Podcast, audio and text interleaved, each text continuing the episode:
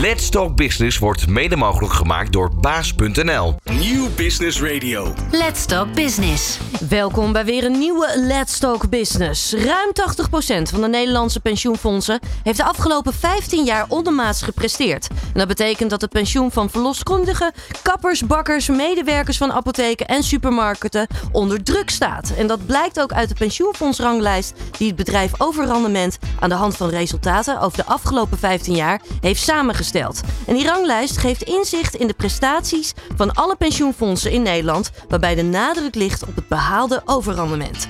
Nou, hoe is deze situatie zo ontstaan? En nog belangrijker, wat is eraan te doen? En uiteraard komen we ook heel veel meer te weten over overrendement zelf in deze Let's Talk Business. Ik ben Martine Howard en mijn gasten vandaag zijn Anton Kramer en Marcel Nijp, beide van Overrendement. Ondernemende mensen, inspirerende gesprekken, innovaties en duurzaamheid. Let's Talk Business.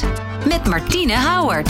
Anton en Marcel, van harte welkom hier bij Nieuw Business Radio. Dankjewel. Ja, dankjewel. Fijn dat jullie er zijn. Ja, we gaan natuurlijk hebben over die pensioenfondsen, ook over die situatie die er nu plaatsvindt. Maar we gaan natuurlijk ook meer te weten komen over jullie zelf natuurlijk en over overrendement. Ehm, als we eventjes kijken, uh, overrendement. We willen laten zien hoe pensioenfondsen presteren. Voor zichzelf en in vergelijking met de financiële markten zeggen jullie eigenlijk beide.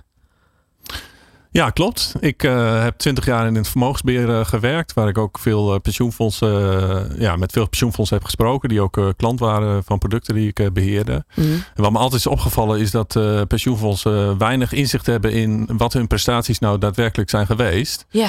En daar ontbreekt de transparantie van welk fonds heeft het nou goed gaan, gedaan, welk fonds heeft het nou slecht gedaan. Daar is, nou, dat blijft heel vaag, heel schimmig. Terwijl uiteindelijk de deelnemer van dat specifieke pensioenfonds, ja, die krijgt uiteindelijk het goede of het slechte resultaat natuurlijk uh, terug in zijn portemonnee op het moment dat hij uh, met pensioen gaat. En daar zien we dus enorme verschillen tussen ontstaan. En ja, dat was mijn ambitie om dat ook duidelijker te maken en meer inzichtelijk te maken. Ja, is daar overrendement eigenlijk ook wel door ontstaan, zeg maar, juist om die transparantie te creëren? Ja, dat is ons uh, doel. Ja. Ja, ja. ja. ja. waarom is dat zo belangrijk, Marcel? Nou ja, kijk, uh, er gaat ontzettend veel geld in deze markt om. Uh, en het gaat over de portemonnee van, uh, van ieders oude dag, om het zo maar even te zeggen. Dus het, het, het, het kan eigenlijk niet waar zijn dat er niet of nauwelijks gestuurd wordt op prestaties van, van fondsen. En dat het eigenlijk allemaal heel ingewikkeld gemaakt wordt. En uh, de transparantie ver te zoeken is. En dat was eigenlijk ook het moment dat Anton uh, op enig moment bij mij thuis kwam. En zei van joh, uh, ik vind dat er wat moet veranderen in die, in die wereld. En ik vind eigenlijk dat de deelnemer daar ook bewust van moet worden. Dat die ook dat duidelijk moet zijn van ja, hoe presteert mijn fonds? Hè? Hoe doet hij het ten ja. opzichte van, uh, van de rest? Dus uh, daar begon eigenlijk het avontuur wel een beetje. Ja, zo is het avontuur echt begonnen. Daar gaan we straks ook wat uh, dieper op in. Als we eventjes kijken naar pensioenfondsen in het algemeen hè, in Nederland. Is men daar al nou ja, voldoende mee bezig? Of is het vaak een beetje ook een ondergeschoven kindje voor veel mensen? Ja, ik denk voor veel mensen een ondergeschoven kindje. Veel mensen gaan er ook al vanuit dat het waarschijnlijk wel goed geregeld zal zijn. En hè, laten we duidelijk zijn, er is ook een goed pensioenstelsel in Nederland denk Best wat goed geregeld wat dat betreft in vergelijking met andere landen. Ja, want in Nederland is heel veel kapitaal opgebouwd. Hè. Het totale stelsel heeft iets van 1500 miljard aan euro aan opgebouwd vermogen. Dus er is gewoon veel vermogen uh, beschikbaar. Mm -hmm. Dat is denk ik positief uh, aan het stelsel. Ja. Tegelijk zorgt het er ook wel voor, uh, en ook mede omdat de werkgever het regelt en je bent verplicht aangesloten bij een bepaald pensioenfonds, dat je als deelnemer al heel snel zoiets hebt van nou het zal wel goed geregeld zijn. Ik kan er ook niks mee, want ik kan niet overstappen naar een ander pensioenfonds. Dus ik zie het later wel. En wat je dan in de praktijk wel helaas vaak ziet, is dat mensen pas vlak voor hun pensioendatum uh, gaan kijken van uh, ja, hoeveel krijg ik eigenlijk zo meteen als ik stop met werken. Ja, hoe zit het nou echt? Ja, en is het wel genoeg? En als je dan hè, tot de conclusie komt van ja, eigenlijk is het te weinig. Dan ben je al uh, ja, dusdanig uh, oud, zeg maar, dat het heel moeilijk is om dat nog te herstellen. Je kan beter ja. als jongere gelijk al kijken van uh, hoe zit het en wil ik eventueel zelf ook nog iets regelen dat ik misschien nog wat meer opbouw, zodat ik later makkelijker met pensioen kan. En je zegt jongeren? Vanaf welke leeftijd is het dan handig om daar goed naar te kijken? Nou, ik zou zeggen hoe eerder hoe beter. Hè? Dus zodra je begint met werken. Kijk, ik snap wel dat het zo ver van je weg ligt dat je ook denkt van nou weet dat je, ik het, zie het dan wel. Ja. Maar eh, hè, pensioen is feitelijk niks anders dan uh, premie nu inleggen waar je mee gaat beleggen om dan later een uitkering te kunnen krijgen. En ja, met beleggen werkt dan eenmaal wel zo van hoe eerder je begint, uh, bouwt je vermogen zich steeds verder op. Dus ja, hoe, hoe eerder je met premie-inleg begint, hoe meer vermogen je aan het eind uh, overhoudt. Dus wat dat betreft zou ik gelijk als je begint met werken ook gelijk kijken van hoe is mijn pensioen geregeld. Ja, ja gewoon lekker vroeg beginnen ja, wat dat absoluut. betreft. Ja. Um, jullie hebben natuurlijk ook echt een, uh, nou ja, een rapport eigenlijk soort naar buiten gebracht. Hè? Ook een persbericht. Ruim 80% van de Nederlandse pensioenfondsen heeft de afgelopen 15 jaar ondermaats gepresteerd.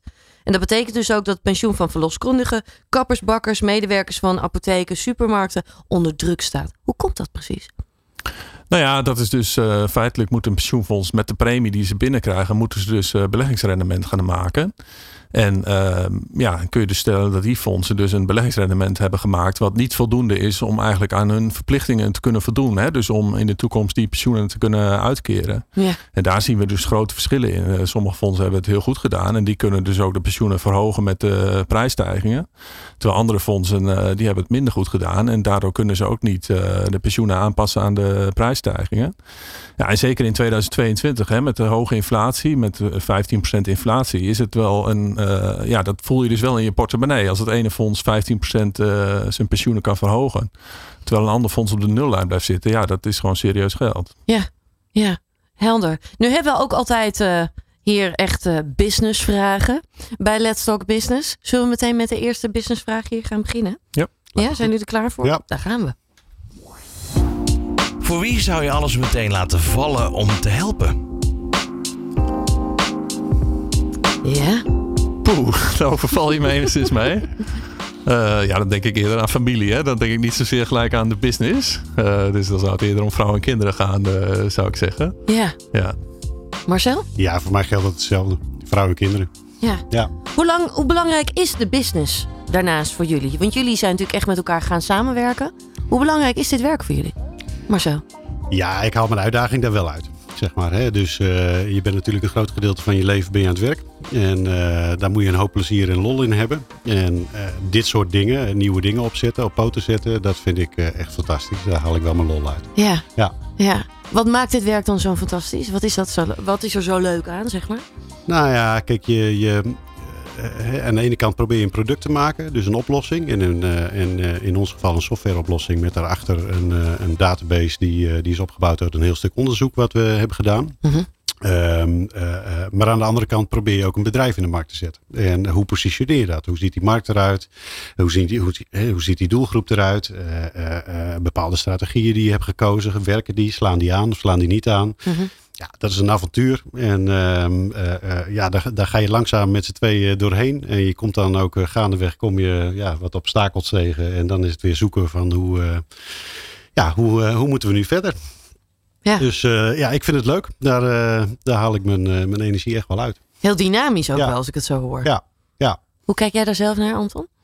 Nou ja, voor mij was het ook wel een beetje een ideeel doel, zeg maar. Dat ik echt wel denk van de deelnemer is er gewoon bij gebaat dat hij meer transparantie krijgt over welk pensioen het nou goed of slecht heeft gedaan. En het, ja, wat ik zei al eerder, het gaat om ongelooflijk veel geld wat er is in opgebouwd. Dus het is niet meer dan normaal dat je volgens mij in de gaten houdt of dat een beetje netjes uh, wordt belegd. Hè? En of er de rendementen worden gemaakt die ook uh, beloofd zijn. Klopt. Uh, en ja, bij de pensioenfondsen zijn iets van 6 miljoen Nederlanders actief deelnemen. Je hebt iets van 3, 4 miljoen gepensioneerden. Mm -hmm. Uiteindelijk gaat het gewoon bijna elke Nederlander gaat het aan. Hè? Bijna elke Nederlander is bij een pensioenfonds aangesloten. Ja, en ik vind gewoon dat dat het voor al die deelnemers goed zou zijn als er meer duidelijkheid komt over uh, ja, hoe goed of hoe, hoe, hoe, slecht een pensioenfonds het gedaan heeft. Om van daaruit ook uh, dingen te kunnen verbeteren. Uiteindelijk raakt het iedereen in zijn portemonnee. Dus dat is wel mijn drijfveer om ook ja, uh, op die manier ook voor de deelnemer verbeteringen te bewerkstelligen. Ja, ja. ja helder. ben ik wel nieuwsgierig wat je antwoord dan is op deze vraag. Leg je bedrijf uit in één zin. Nou, ons bedrijf uh, monitort en brengt, maakt inzichtelijk de prestaties van uh, Nederlandse pensioenfondsen en vergelijkt die uh, met elkaar om inzichtelijk te maken welke fondsen daadwerkelijk hebben geleverd wat ze hebben beloofd. Ja, ja. en dat maken jullie heel inzichtelijk inderdaad, hè? voor iedereen ook wel. Het is voor iedereen toegankelijk ook wel. Hè? Ja, het- we hebben een ranglijst gemaakt die voor iedereen eh, toegankelijk is. Dus op onze website kunnen mensen de ranglijst van pensioenfondsen eh, bekijken. Dus welk fonds heeft het goed gedaan, eh, welke staat bovenaan en wa- wat, wat staat onderin. Ja. Dus dat is voor alle deelnemers toegankelijk. Dat is eigenlijk een samenvatting van alle data die in de database zit. Dus voor eh, zeg maar meer professionele partijen, als pensioenfondsen zelf of werkgeversorganisaties. eh, ja, er zijn van allerlei betrokken eh, partijen bij een, bij een pensioenfonds.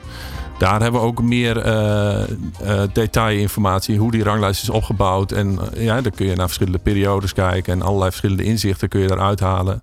Dus dat is meer voor de professionele kant, zeg maar. Maar voor de deelnemerskant hebben we de ranglijst op onze website staan. En die gaan we elk jaar updaten. Ja. Dus nu staat de ranglijst tot en met eind 2021. Maar dan, hè, als alle verslagen en alles binnen zijn, dan komt er weer een nieuwe ranglijst. Zodat het voor de deelnemer eigenlijk een heel simpel, overzichtelijk beeld is van oké, mijn fonds eh, staat bovenin. Eh, Ja, en als die onderin staat, zou ik zeggen als deelnemer van nou, stap eens naar je bestuur van je pensioenfonds en zeg eens van eh, hoe zit dit eigenlijk? Hè? Waarom betaal ik elke maand een kwart van mijn salaris? Want over dat soort bedragen hebben we het wel. Ja.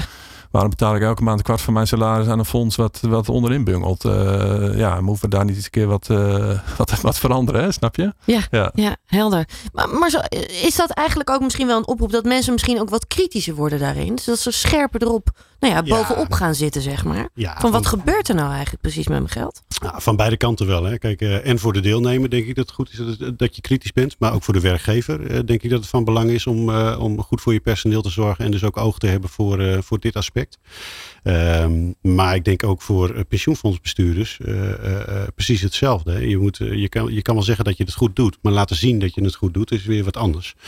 En ehm, ja, we hopen toch ook wel met, met de pensioenfondsmonitor dat ehm, eh, eh, pensioenfondsbestuurders een, een, een benchmark zoals wij die hebben ook serieus gaan nemen. Ja. En daar echt daadwerkelijk wat mee gaan doen. En het niet gaan zien als iets ehm, wat een bedreiging is. Want het is natuurlijk heel vervelend als je onderaan de lijst bungelt. Eh, dat is niet leuk. Maar ja, mijn, mijn filosofie is dan altijd van ja, dan kan het alleen maar beter. Eh, dus, dus grijp het aan. Hè. Ga kijken wat, wat, wat, wat is nu het verschil. Wat doen andere fondsen beter eh, dan dat ik doe. Ja. En probeer ehm, ja, volgend jaar hoger op de lijst te staan. Of volgend kwartaal wat, wat beter te staan. Houdt elkaar hoe scherp, hè? Ja, precies. Wat dat betreft. Ehm, nu werken jullie samen. Hè? Jullie hebben dit ook wel, nou ja, eh, echt ook wel gewoon echt samen zo ook opgezet. Ehm, hoe is de onderverdeling? Moet ik dat echt voor me zien? Ja, nou, ik, het, eh, het was oorspronkelijk mijn idee, omdat Ja. ik vanuit de sector kom. Ja, En eh, ja, ik had het idee al wel langer. En op een gegeven moment heb ik eh, gewoon de stap gezet en gezegd van weet je, ik zeg mijn contract op en ik, eh, ik ga met dit idee aan de slag. En dat was in eerste instantie ook vooral heel veel data verzamelen. Mhm. Nou, wij, wij kennen elkaar eh, omdat we bij elkaar eh, in de buurt wonen, zeg maar. En ik eh, ken de Marcel zijn bedrijf ook. En eh, eigenlijk is dus de onderverdeling dat ik meer, eh, zeg maar, de, eh, ja, de pensioen-inhoudelijke kant eh, goed ken. En Marcel heeft vooral heel veel verstand van de software-oplossing die we gemaakt hebben. ja. Ja. Dus daar zit ook wel echt de onderverdeling ook wel echt ik, in. ik heb geen snars verstand van eh, pensioenen. Daar is Anton echt eh, de juiste man voor, om het zo maar even te zeggen. En Nou, ik hij zit, leert eh, snel hoor. Ja, ja het is, eh, maar zoals Anton al zei, weet je, het is, eh, het is een moeilijke markt. Het is, eh, eh, de, de, voor je het weet worden er allemaal termen op tafel gegooid waarvan je ook denkt van, hé, hey, die had ik nog niet eerder gehoord. Of eh, hoe, hoe moet ik dit even doorgronden? Mhm. Nou, dat heeft tijd nodig. Ehm, maar ik vind dat ook wel het leuke. Ik ben meer voor de softwarekant. En voor nou ja, onze jongens die ook hard gewerkt hebben samen met Anton om, om het dashboard wat we hebben te bouwen Ja, daar zit voor mij ook de uitdaging in. Van, hè, hoe, eh, hoe kunnen we dat zo neerzetten dat het eh, ja, eigenlijk staat als een huis. Maar dat we ook samen met allerlei betrokken partijen ons dashboard verder uit kunnen breiden de komende tijd en, eh, en de komende jaren. En eh, ja, bouw daarin wel heel erg op Antons kennis en kunde zeg maar, van, ja, van de pensioensector. ja, ja. Wat dat betreft hebben jullie echt elkaars krachten gebundeld daarin. Ja, absoluut. Ja. Ja. Een goed huwelijk wordt dat ook wel genoemd, hè? Ja. Ja. Ja, Ja. daar gaan we zo meteen ook eh, verder over praten. Hoe dat allemaal tussen jullie ook samenwerkt. En dan komen we ook meer te weten over jullie als eh, nou ja, twee ondernemers die ook echt samen zijn gaan werken. Hier bij Let's Talk Business. Van hippe start-up tot ijzersterke multinational. Iedereen praat mee. Dit is New Business Radio. Je luistert naar Let's Talk Business. We zitten hier met eh, Anton Kramer en eh, Marcel Nijp, beide van Overrandement. ja, heren, we hebben zojuist natuurlijk al wel gehad hè, over waar jullie voor staan. eh, welke ontwikkelingen nu allemaal plaatsvinden, ook in de markt. Eh, maar hier bij Let's Talk Business gaan we ook altijd eventjes terug de tijd in. Anton, om eventjes eh, terug eh, te gaan met jou. Ehm, toen je een klein jongetje was? Had je toen al enig idee dat je een beetje deze kant op zou gaan? Waar lagen je interesses? Uh, nee, ik heb best wel lang nagedacht over welke studie ik wilde gaan doen en uh, welke richting ik op wilde gaan. En uh, ja, weet je, als ik nu kijk naar mijn kinderen, is dat allemaal wel wat beter hoe dat nu wordt aangepakt, zeg maar. Maar destijds werd er in, mijn, in ieder geval in mijn beleving werd er gewoon naar je cijferlijst gekeken op de school. En nou ja, waar je dan een goed cijfer in had, dan moest je die richting moest je maar op, zeg Ja, maar. Even ja, los van ja. of je dat ook heel leuk vond of dat het bij je paste. Nee, ik had er vroeger niet een heel eh, duidelijk beeld bij van dit, dit, eh, dit wil ik gaan doen. Nee. Nee. Op een gegeven moment dus wel keuze gemaakt natuurlijk. Ja. ja, ik ben op een gegeven moment eh, economie gaan studeren. En ehm, nou, ik vond ook de beleggingswereld heel interessant. Dat is een hele dynamische sector. Hè. Er gebeurt eigenlijk elke dag is er wel nieuws. Hè. Er gebeurt altijd weer iets. Mhm. Hè, zoals vorige week valt er een bank om in Amerika. eh Credit Suisse Bank eh, moet worden gered. Dus eh, ja, dat is als je aan het beleggen bent en je beheert een portefeuille, dan ja, moet je eigenlijk dat wel goed volgen. En moet je daar opinie of op acteren, zeg maar. Ja. Dus ja, dat, dat, eh, dat vond ik een hele interessante. eh, Dus ja, dat heb ik als afstudeerrichting eh, gekozen. En toen ben ik ook bij een grote belegger gaan werken. Ja. Ja. dus daar zat al wel meteen een, een grote interesse, zeg maar. Dat je denkt, hé, hey, dat beleggen, dat vind ik wel echt heel interessant. Ja, ja. ja, ik ben altijd wel van de cijfers geweest en analyses. En ja, wat ik zeg, het is ook heel dynamisch. Dus, en het is ook heel. ehm, ehm, ja, je kan ook heel goed eh, rekenen wat je prestaties zijn. Hè? Dat spreekt mij ook wel aan. Hè? Dus het is natuurlijk. eh, ja, mooi als je kan zeggen dat je ergens goed in bent. Maar eh, in een beleggingswereld eh, kun je ook heel concreet maken of je ook daadwerkelijk hebt geleverd wat je belooft. Hè? Dus Ja. dat vind ik zelf ook wel een eh, mooi aspect. Ja. Ja, en daar zit natuurlijk meteen ook een mooie crossover met eh over rendement, die transparantie, maar het ook concreet maken, zeg Ja, maar. Ja, Dat precies. is dus wel iets wat, wat voor jou belangrijk ook wel is, zeg maar. Ja, nou toen ik eh, bij eh, Egon heb ik dan gewerkt, eh, dik 20 jaar. En toen ik daar werkte, ja, dan beheer je een beleggingsfonds. En daar heb je gewoon een doelstelling van dit moet het fonds presteren. En daar word je elk jaar gewoon op afgerekend. Hè? Dan wordt gewoon, die cijfers worden gewoon naast elkaar gelegd van heb je dat wel of niet gehaald. En natuurlijk, dat is soms niet leuk. Als het slecht gaat, dan heb je daar wel slapeloze nachten van natuurlijk. Ja. Maar van de andere kant spreekt het mij wel aan. Je moet, je moet doen wat je zegt. Dus als je zegt dat je ergens goed in ben- bent, dan moet je dat eh, ook bewijzen. En in de beleggingssector is dat heel goed te bewijzen door gewoon die cijfers naast elkaar te leggen. Ja, dat Ja. spreekt mij wel aan. Ja. Je hebt natuurlijk heel veel ervaring daarop gedaan bij Egon. Ja. Wat, wat zijn belangrijke leermomenten geweest? Ja, kijk, eh, op het moment dat er crisis in de markt is, dat is altijd eh, hè, dat, dat echt problemen boven water komen of dingen die niet goed zijn gegaan. Hè. Dus de financiële crisis in 2008, dat, dat was natuurlijk een hele interessante tijd. Ja. Maar goed, zo zijn er altijd wel, eh, wat ik zeg, het is een dynamische sector. Op het moment dat Rusland Oekraïne binnenvalt, ja, dan moet je ook weer eh, kijken van wat is precies mijn eh, exposure naar beide landen. En als alle beleggingen in Rusland, als daar sancties op komen, ja, wat, wat, wat moet je daar dan mee doen? Hè? De, dat, ja, zo is er altijd wel iets waar je ook weer wat van leert. Ja, elke situatie is ook weer, weer, weer anders wat dat betreft. Ja, en dat vind je ook wel leuk, ook wel weer die uitdaging. Ja, zeker. ja. Maar zo hoe zit dat met jou? Waar, waar is het bij jou allemaal begonnen?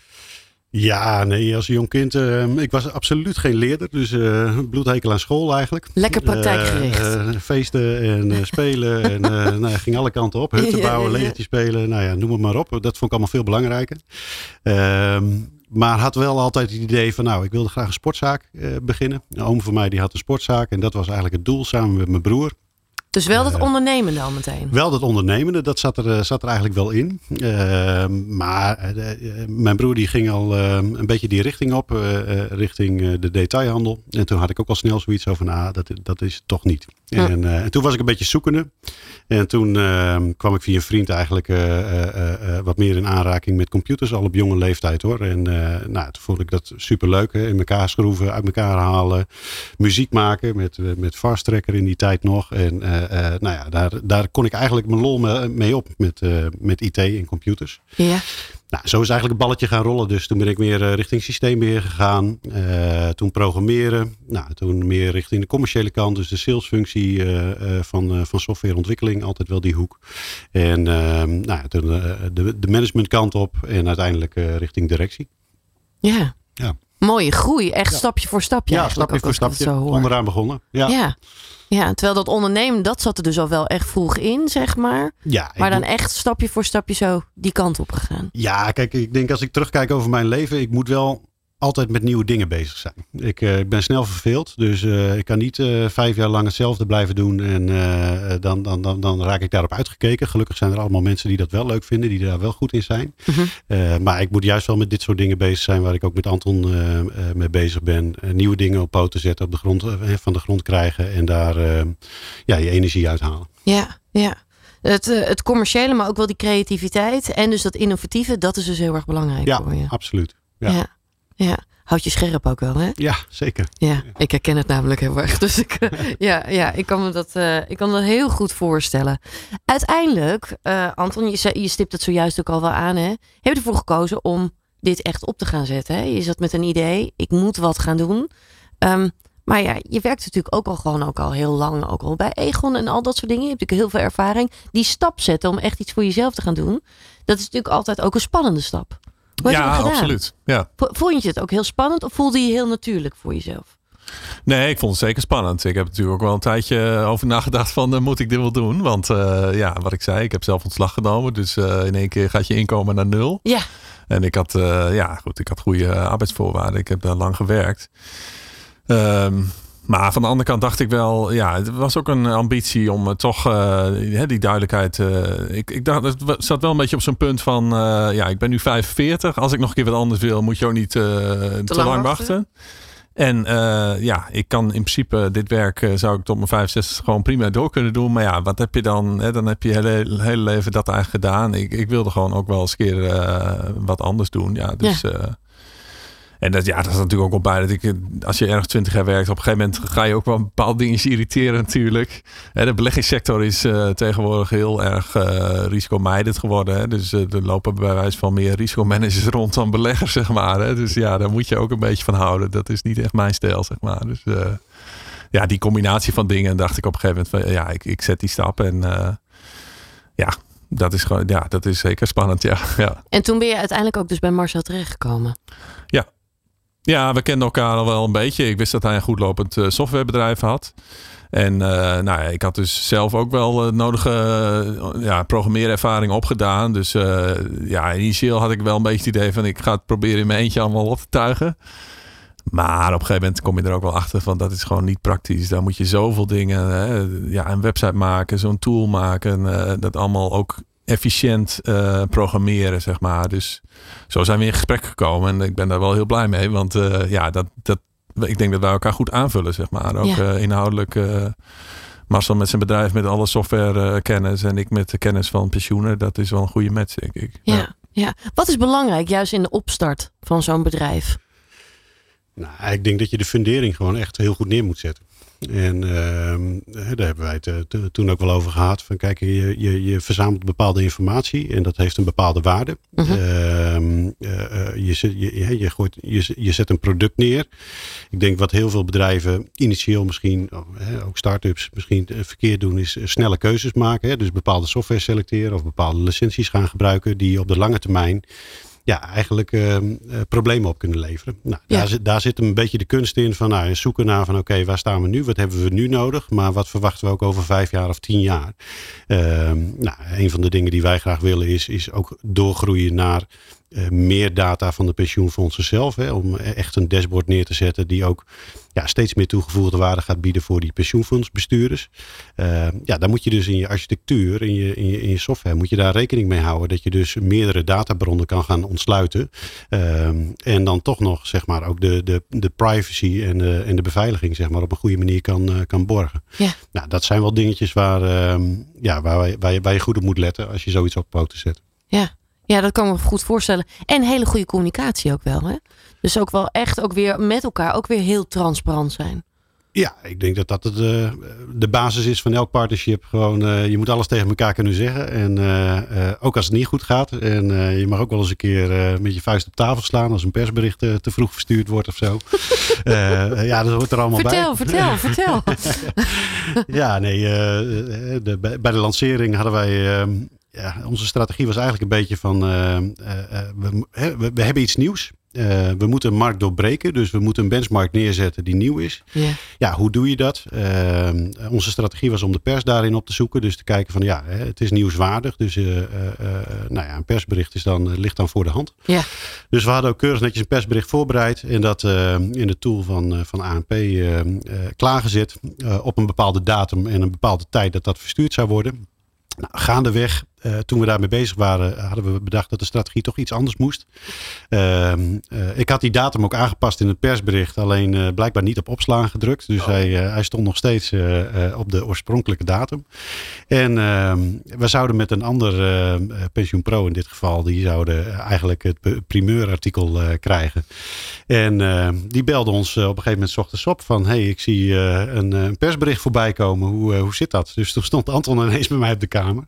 En en uh, ja, kijken van wat is er gebeurd. Ja, hij is inderdaad de deur uitgegaan. Dus toen was hij al naar uh, nou ja, 800, uh, 1000 journalisten toegegaan. Ja, en dan moet je snel schakelen, want dan zie je ineens dat je inderdaad via de website ook allerlei traffic krijgt. En ja, dan, dan start eigenlijk een kettingreactie. En ja, ik denk dat we ons daar goed in staande gehouden hebben. Maar ja, het was niet zo gepland.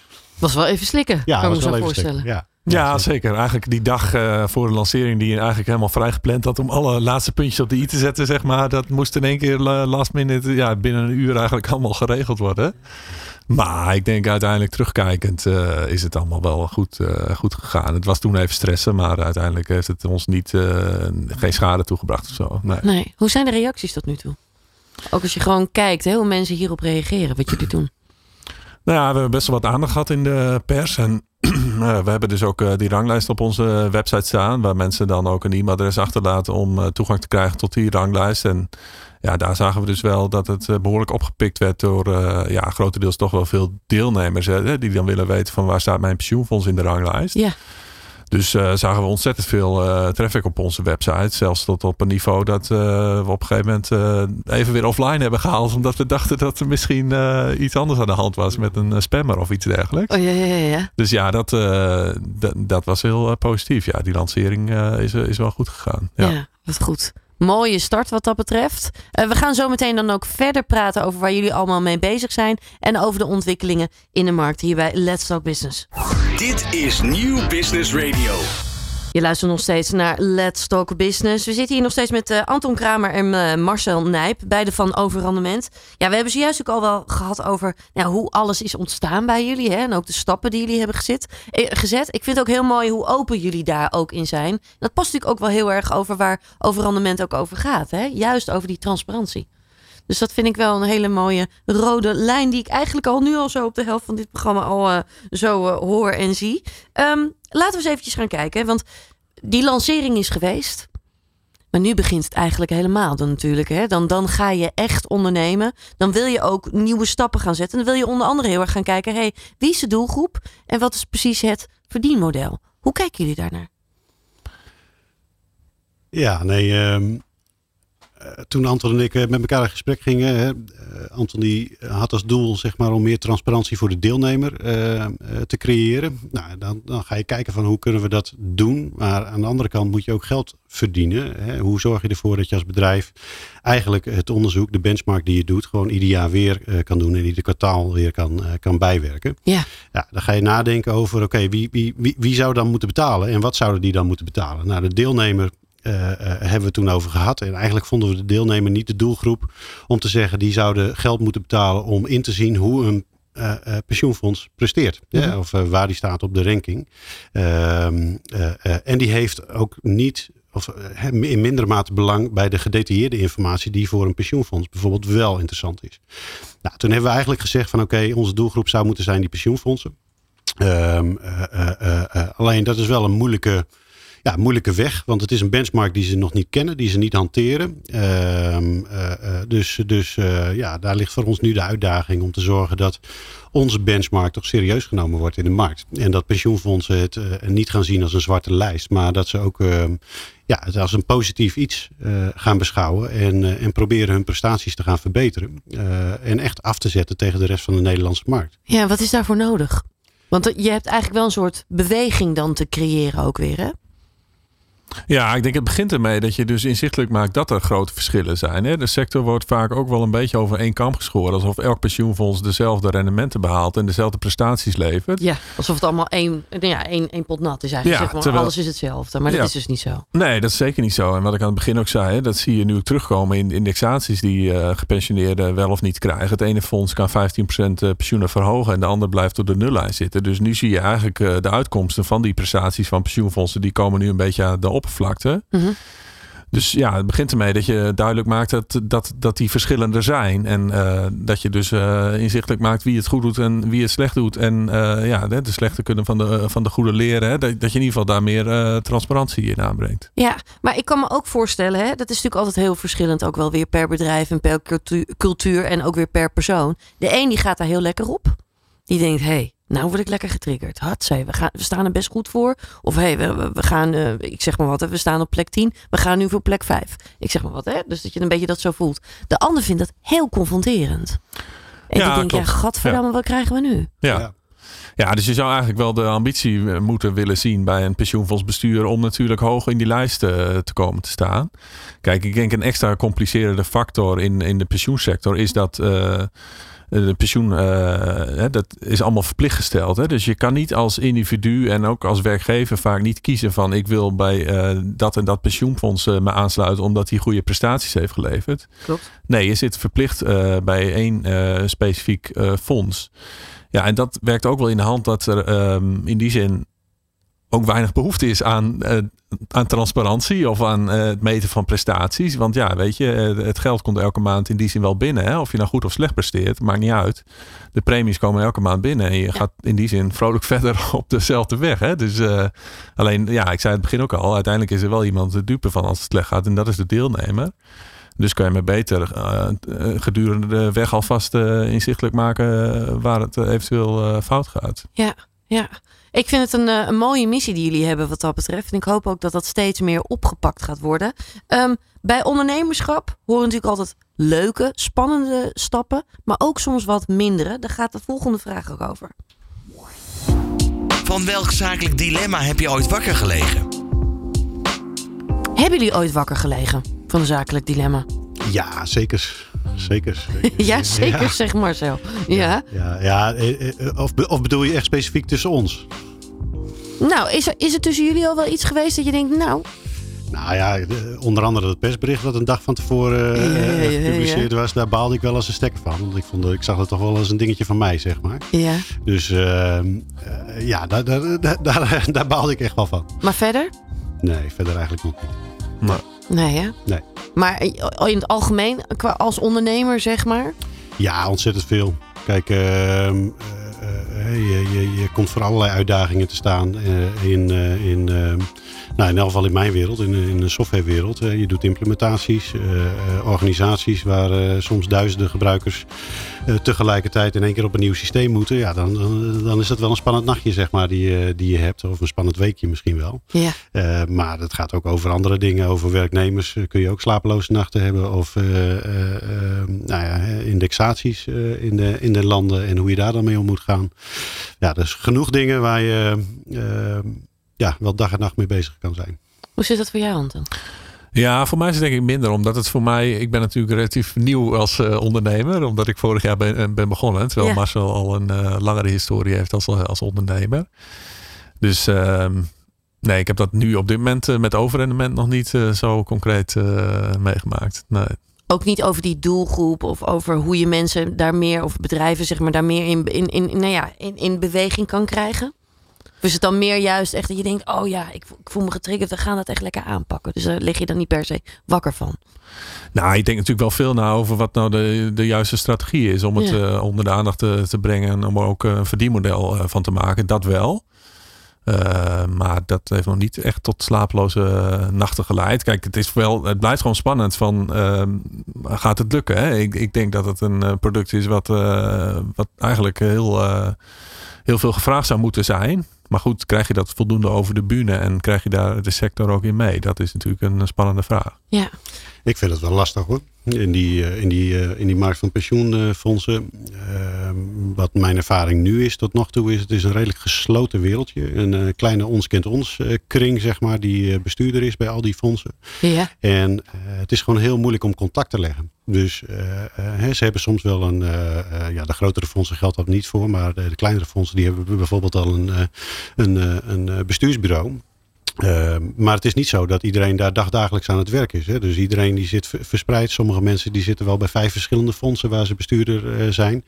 Dus uh, ja, ik ben nog wel nog steeds mijn hoofd aan het breken over hoe, we, hoe we daar nu ehm, zeg maar bij al die fondsen een ingang kunnen creëren. Zodat we in elk geval in gesprek kunnen met elkaar. Ja, en wat jij zojuist ook al zei, hè, Anton. Het, het, het, is vaak al zo al bepaald. Zeg maar. Het is al vaak al zo geoliede machine, zeg maar. Dus om daar nog weer soort veranderingen in te krijgen, dat duurt altijd eventjes. Ja. Ja, dat en ik denk dat er ook in de sector een bepaalde status quo uh, heerst. Waar uh, het iedereen ook wel prima vindt zoals het nu gaat. Hè? Wat ik eerder al zei, de premies komen gewoon binnen. Nou, heel veel mensen verdienen er een goede, goede boterham aan. Dus ja, wat gaat. Hè, mensen zijn misschien niet, zitten misschien niet te wachten op een partij die inzichtelijk maakt van, nou ja, weet je, dat fonds doet het toch wel wat beter dan een ander fonds. Hè? De, ja uiteindelijk draait het nu zoals het draait. En denk ik dat iedereen uh, wel uh, ja, dat eigenlijk wel prima vindt. Ja, ja, daar ligt dus ook een, uh, een mooie uitdaging voor jullie ook wel. brengt ons dan ook nog wel eventjes bij de volgende businessvraag. Daar komt hij. Tegen de stroom in of met de stroom mee? Anton. Nou, dat vind ik een hele goede vraag. Want dat is ook wel voor ons de, ja, de moeilijkheid van hoe positioneer je eh, bedrijven. In het persbericht hebben we gezegd van ja, 80% van de pensioenfondsen presteert ondermaats. Dus dat is natuurlijk een vrij negatieve eh, boodschap. dus meer tegenin. Ja, en tegelijk wil je uiteindelijk ook wel samenwerken met de sector. Want ik denk echt dat de sector er behoefte aan heeft dat er meer transparantie komt. En dat die duidelijkheid over de prestaties uh, er komt. En dat het voor iedereen inzichtelijk is en op eenzelfde manier wordt gemeten. Dus je hebt uiteindelijk ook de sector nodig om dit ook uh, neer te zetten en ook verder te ontwikkelen. Hè. Als je ook nog meer dingen wil toevoegen aan je dashboard, dan, ja, dan heb je ook input nodig van de pensioenfondsen om dat inzicht te kunnen bieden. Dus ja, het is een beetje eh, van beide. Je, ja, je wil iets aan de kaak stellen. Tegelijk, ja, je wil ook niet puur als klokkenluider optreden. Uiteindelijk denk ik ook gewoon dat het voor iedereen beter zou zijn als dat inzicht er komt. Dus je moet ook samenwerken. Ja, dat, uh, dat is een moeilijk spanningsveld. Ja. ja. Maar zo kijk jij hier naar?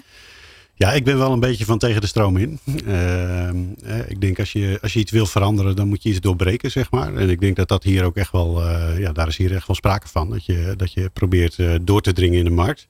Ehm, en dat dat hopelijk ook weer kansen met zich meebrengt. Hè? Dat er partijen zullen zijn die het ook als een positief iets uh, beschouwen. En die wel met ons, ons willen samenwerken om te kijken hoe we ja, die data nog verder kunnen verrijken. Om die hele pensioensector zeg maar, op een hoger niveau te kunnen tillen met elkaar. Dat moet je dan wel samen doen. Maar ja, ik denk wel dat het nodig is om daar een stukje tegen de stroom in te zwemmen. Ja. Wat jullie verdere plannen daar ook over zijn, hoe jullie daarnaar kijken, dat gaan we in het laatste blok hier zo meteen delen bij Let's Talk Business. Van hippe start-up tot ijzersterke multinational. Iedereen praat mee op Nieuw Business Radio. Ja, Anton en Marcel, we zijn inmiddels alweer toegekomen aan het laatste deel van Let's Talk Business. We hebben natuurlijk al heel veel met elkaar besproken. Uh, jullie heten overrandement, uh, maar het lijkt me misschien ook nog wel eventjes een mooi moment om te bespreken waarom dat overrandement ook zo belangrijk is. Juist ook bij die pensioenfondsen. Ja, feitelijk laat je met het overrendement uh, laat je zien hoeveel ruimte een pensioenfonds heeft uh, gecreëerd met zijn beleggingen om ook pensioenen te in, uh, kunnen indexeren. Mm -hmm. Dat is uiteindelijk het doel wat de meeste pensioenfondsen hebben, hè, dat ze een waardevast pensioen kunnen bieden. Ja. En als jij, uh, simpel gezegd, als je 2% overrendement in een jaar hebt gemaakt, dan heb je 2% ruimte gecreëerd met je beleggingen. Dus een 2% rendement gemaakt om daarmee te kunnen, pensioenen te kunnen indexeren. Ja. En gek genoeg is dat de doelstelling van heel veel pensioenfondsen. En tegelijk uh, ja, meten ze dat niet op lange termijn of ze dat ook daadwerkelijk gehaald hebben. Dus eigenlijk een no-brainer om dat te gaan meten en onderling te gaan, uh, tegen elkaar te gaan afzetten. En toch gebeurt dat nauwelijks. Ja, ja we hebben het natuurlijk al wel over gehad, hè? Maar je zou denken inderdaad, is een no-brainer en toch gebeurt het niet. Ja, ik vind het zelf ook wel typisch. Dat, uh, want pensioenfondsen gebruiken allerlei uh, benchmarking. Hè, de, de, wereld aan verschillende benchmarks die ze over voor allerlei categorieën gebruiken. Ja. Maar ja, dit is eigenlijk de benchmark voor het pensioenfonds. Dit is hun doelstelling. Dus dat, dit moet je meten of je die haalt, zou ik zeggen. Ja. En er zijn wel een aantal fondsen hoor, die daar wel wat pogingen toe doen. Maar structureel op lange termijn kijken van heb ik nou geleverd wat ik beloofd heb, dat, uh, dat, dat zien we gewoon niet in de sector. Maar daar, daar is het dus ook echt wel een soort cultuurslag te maken dan toch ook wel binnen die bedrijven, zeg maar. Ja, je moet er denk ik op een andere manier uh, naar kijken. En je moet jezelf, uh, je prestaties van jezelf moet je meten aan de doelstelling die je doet. Want daar zie je ook dat er heel veel onbegrip is bij deelnemers omdat er in het verleden best wel vaak gezegd is van ja, het pensioenfonds heeft hele goede rendementen gemaakt van uh, 6, 7 procent per jaar. En waarom krijg ik nou niet meer pensioen erbij? Ja. Ja, dat heeft ook mee te maken dat er dus niet naar het overrendement wordt gekeken. Wat dus in heel veel jaren negatief is geweest. Hè. Dat slaat ook op die 80% die dus ondermaats presteert. Die heeft dus eigenlijk over een periode van 15 jaar een negatief overrendement gemaakt. Dus ook als je op die manier naar je cijfers gaat kijken en daar op die manier over communiceert, dan denk ik dat het voor de deelnemer ook veel duidelijker wordt van waarom heb ik nou wel of geen indexatie gehad. Hè? Als het overrendement negatief is, dan krijg je geen indexatie. Zo simpel is het eigenlijk. Ik kom nog wel iets meer detail bij kijken, maar dat is eigenlijk wel de kern van de zaak. Ja, en ik kan me ook zo voorstellen dat juist het vertrouwen zo belangrijk is. Hè? Als we kijken naar wat er überhaupt in de maatschappij speelt, is dat vertrouwen is alleen maar eigenlijk naar beneden gaan. Als je jongeren spreekt, dan zijn ze al helemaal eigenlijk niet te spreken over hun pensioen voor de toekomst. Heel veel denken, ja, ik heb waarschijnlijk helemaal geen pensioen. Nee, klopt. En dat is overigens uh, niet terecht. Hè? Want ik denk in Nederland heeft wel op zich wel een goed pensioenstelsel. Maar er zijn zeker verbeteringen mogelijk. Maar er ligt echt nog wel geld uh, in de pot, ook voor, voor jongeren. Ja. Maar ik ben helemaal met je eens. Je moet wel uh, helder communiceren over wat je nou hebt geleverd. En daar is het denk ik in het verleden duidelijk misgegaan. Hè? Dat pensioenfondsen eigenlijk uh, mooie sier maken met op zich goede rendementen. Maar niet goed genoeg om uh, dat rendement hadden ze ook kunnen maken met een uh, investering in, in een risicovrije Nederlandse staatsobligaties. Om het even iets technischer te maken. Ja. Het gaat juist om dat een pensioenfonds door risico te nemen een beter rendement haalt. En dat is heel veel pensioenfondsen zijn daar niet in geslaagd. En ja, als je daar niet helder over communiceert, dan krijg je op een gegeven moment uh, verwarring bij de deelnemers. Die denken van ja, weet je, die, die pensioenpot is steeds groter geworden. Waarom krijg ik nou niet eens een keer wat meer in mijn portemonnee? Ja, precies ja. dat. Ja. Ja, dat onderbuikgevoel, dat wil je eigenlijk ook wel wegkrijgen. Jullie werken daar ook heel erg eh, aan mee door juist ook die transparantie te creëren. Als we dan nog eventjes kijken naar het nieuwe pensioenstelsel, ook daar gaat natuurlijk ook wel weer van alles veranderen. Ja, zeker. Dus we zien ook uh, in de maatschappij dat het natuurlijk een heel actueel uh, onderwerp is.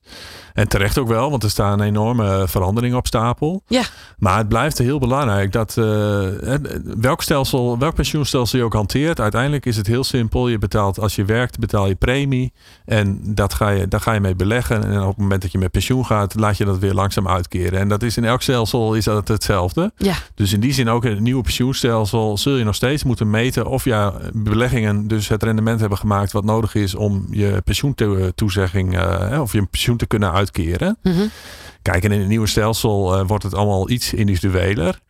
Uh, tegelijk heb je als individu uh, nog steeds geen keus bij welk pensioenfonds je wordt uh, waar je kan bij aansluiten. En is het eigenlijk zo dat een pensioenfonds voor jouw rekening en risico uh, gaat beleggen. Nou ja, dat, daar kun je al wat van vinden. Ik denk dat dat niet goed past bij de huidige trend naar meer individuele individualisering. Hè? Dat mensen meer willen, zelf willen beslissen. Ja. Maar goed, als je dan kiest voor zo'n systeem. Wees dan in ieder geval glashelder over uh, wat je dan hebt gepresteerd. En of dat goed uh, genoeg is geweest. Hè? Dus ook in het nieuwe pensioenstelsel blijft dat gewoon een heel actueel uh, thema. Ja, zou het kunnen zijn dat we in de toekomst dat wel meer gaan zien? Dat mensen zelf toch meer vrijheid krijgen waar ze dan dat afsluiten, zeg maar, zo'n pensioenfonds? Nou, ik denk dat die Zou trend... dat een ontwikkeling zijn? Ja, die trend die valt denk ik niet tegen te houden. Maar kijk, het nieuwe pensioenstelsel is natuurlijk een, een compromis tussen heel veel verschillende partijen. En ja, persoonlijk is mijn mening dat er nu wel een ongelooflijk uh, ingewikkelde uh, transitie uh, in wordt gestart, zeg maar. Terwijl het uiteindelijke resultaat ja, nou niet schokkend veel anders is dan wat we nu hebben, zeg maar. Ik, had, ik heb dan zoiets van, ja, weet je, als je dan het hele pensioenstelsel op de schop neemt, maak het dan ook gelijk toekomstbestendig door bijvoorbeeld veel meer individuele keuzes toe te staan. En dat is toch eigenlijk best wel buiten het nieuwe stelsel gebleven, helaas. ja. ja wat dat betreft is er wel werk aan de winkel. Genoeg nog weer echt in beweging te krijgen, zeg maar. Genoeg ja. verandering. Um, jullie zouden ook wel volgens mij wel graag ook wel in gesprek willen hè, met verschillende partijen. Juist om te kijken, hey, wat, wat, wat speelt er? Wat kunnen we doen met elkaar? Ja, zeker. Ik denk, uh, wat, ik, wat ik al zei, het is, het is best wel een moeilijke markt om te benaderen. Dus contactgegevens vinden, zorgen dat je met mensen in gesprek komt, dat, dat is best wel lastig. en wij hopen toch ook wel dat, dat pensioenfondsbestuurders ja, met ons in gesprek willen om te kijken van oké, wat, wat hebben we één, wat hebben we staan, welke data hebben we? en ik denk dat het voor ieder, ieder pensioenfonds belangrijk is om überhaupt te weten van waar sta ik ten opzichte van de gehele Nederlandse sector qua pensioenfondsen. Als je dat niet weet, ja, hoe, kun je ook zeggen of je goed of slecht bent. Of uh, ik denk dat dat een nulmeting is die iedereen zou moeten doen. Mhm. Um, maar ook verder kijken van oké, wat, wat, wat voor data is nog meer belangrijk? En uh, waar kunnen we hun mee helpen om, om als pensioenfonds zeg maar ja, steeds beter te boek te komen te staan en, en beter te kunnen presteren. Ja, ja. Dus uh, ja, we nodigen wel uh, ja, van harte alle, alle pensioenfondsbestuurders uit uh, om, om met ons in contact te komen en, en in gesprek te gaan. Mooie open uitnodiging wat dat betreft. Tot slot, Anton, het is nu zo'n beetje een jaar is dit gaande, zeg maar. Hè? Waar staan jullie over vijf jaar? Nou, dan hoop ik dat we een dashboard hebben waarbij inzichtelijk wordt uh, voor alle pensioenfondsen, voor de hele sector, hè, wat de prestaties zijn geweest en uh, ja, hoe pensioenfondsen tot die prestaties zijn gekomen. En ja, persoonlijk zou ik hopen dat je dan ook als individu vervolgens een keuze kan maken van, weet je, ik ga liever naar een ander pensioenfonds, want die heeft gewoon veel betere prestaties geleverd. Maar de pensioensector die kenmerkt zich door uh, dat het allemaal heel traag verandert. Dus of we daar over vijf jaar al staan, dat waag ik te betwijfelen. Maar ik zou het wel toejuichen. Ja. Nou, ik ben heel benieuwd waar jullie dan uh, staan. Ik wil je voor nu in ieder geval heel veel succes wensen met alle stappen die jullie aan het uh, zetten zijn. En heel erg bedanken voor het delen van jullie visie en kennis. Ja, graag gedaan. Dankjewel. Dankjewel. Ja. Dit is Nieuw Business Radio.